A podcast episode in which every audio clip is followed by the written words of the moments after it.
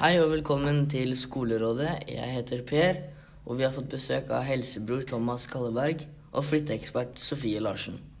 Vi har fått innsendt et dilemma fra en jente på 14 som skal flytte og bytte skole. Hei, jeg er en jente på 14 år som har fått beskjed om at vi skal flytte om tre måneder. Jeg går på en ungdomsskole som jeg trives veldig godt på og har fått mange nye venner.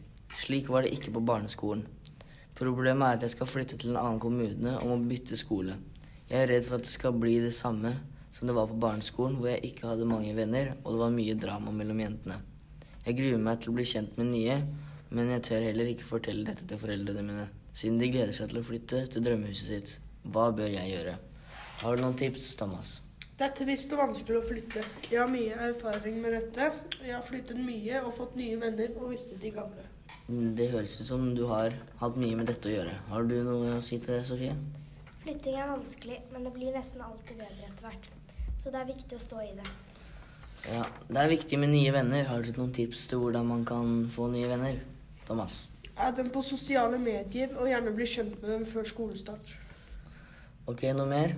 Prøv å ikke tøffe deg i starten. Det gir et dårlig førsteinntrykk. Det hørtes lurt ut. Har du noe å si, Sofie? Bli med på det som skjer. Ikke gå alene. Prøv å bli kjent med nye folk.